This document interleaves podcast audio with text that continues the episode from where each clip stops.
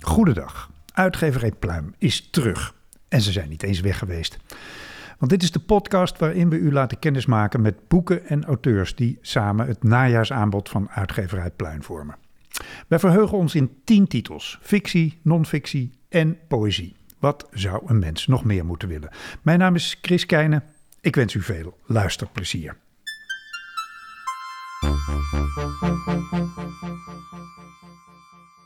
Rouwpoëzie die nog honderden bladzijden had mogen voortduren, schreef NRC Handelsblad over Esther Kinski's roman Kreupelhout, die eerder verscheen bij uitgeverij Pluim.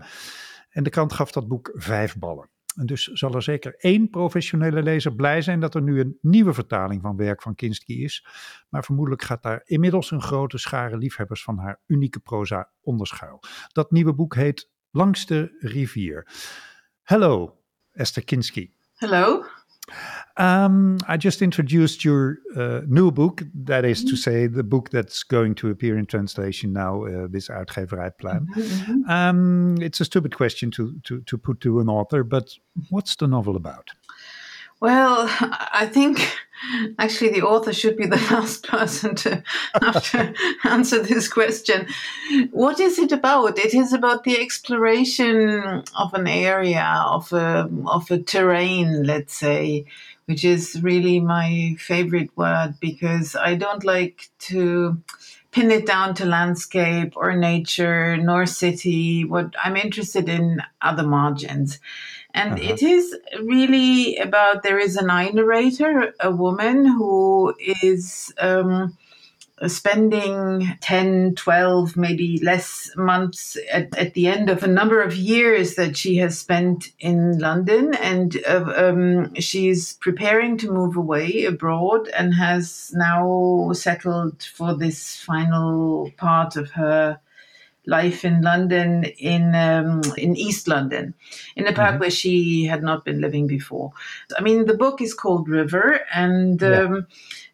River is maybe the theme, but not as sort of flowing and you never step into the same river, but um, it's more like river as a border and as a kind of um, as a kind of setting of a stage. It's the uh, because the, the, the, river will inevitably create here and there. Yeah, there's there's uh-huh. it will always cut through something, and you will always look at the other side. Yeah, and uh, the river in question here is a rather lesser known uh, river in London, the River Lee uh, which flows into the Thames. It come it flows north south and not west east like the Thames. And it came to brief sort of fame uh, during the Olympics in London. But actually, the notes for this book and the photographs all predate the London Olympics. They were taken in the early years of the this century, let's say. Uh-huh. And um, it, it's about the exploration of of a terrain, let's say, with an emphasis on the role of rivers, because mm-hmm. they're, they're, it's the River Lee, and the book is divided into, I think, nine uh, larger chapter blocks, and each of them is one stretch of her 12 mile walk from where she lives near Springfield Park in East London to where the okay. River Lee flows into the Thames. And uh, and on the way, each chapter block also includes a memory of another river that played a role in her life. And uh-huh. uh, so there's the Rhine, where she grew up, and the River Thames, and um, and the Odra in Poland, and so on. Uh-huh. But given the, what you say about uh, the role of the river, that it that it's always also a border, and that there's mm-hmm. always another side, uh, does that mean that one of the themes of the book is also about migration and about the thoughts we have of others? Um, yes, I mean this is maybe um, if one someone can say this at all about one's own work. I think this what you would call Fremde in um, in German, which is Yeah. word I don't know how it is in Dutch, but it is very difficult. Vreemdelingen.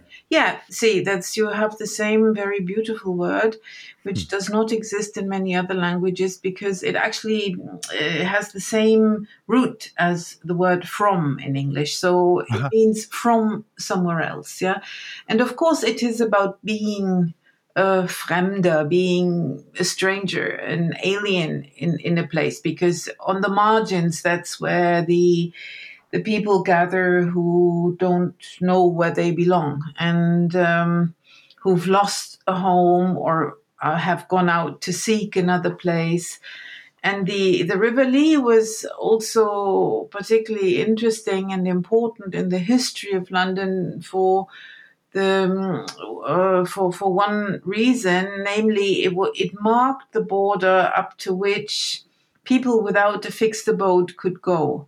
They were not allowed to cross this river to go deeper into London. I mean, we're talking bygone centuries, like in um, 19th century, 18th century.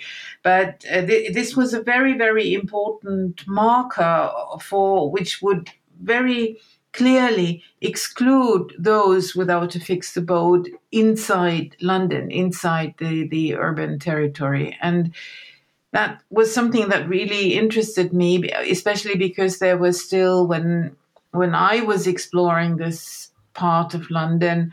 Uh, well, you still find these travelers. Travelers is what they what they called Sinti Roma um, Aha. in, in in in Britain.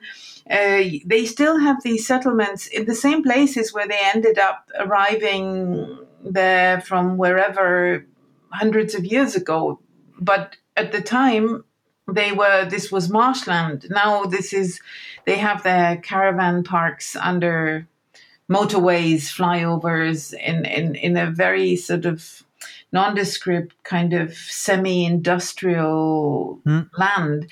But it, it- it's it's a very interesting phenomenon and altogether i mean the the way on the margins you find a much deeper and more varied and less less documented history of laborers, let's say, of what really keeps the cities going. And uh, and that's what interested me. This mixture of yeah, people from all over the world in this part of London at the time, and but at the same time, these these really deep traces of history of people in transit. It's it's it's a it's a transit zone, I would say. Yeah. And- Yeah.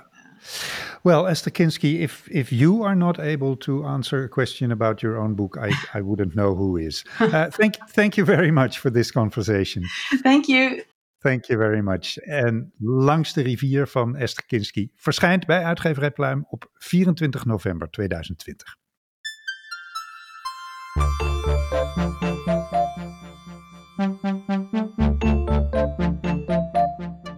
Thank you.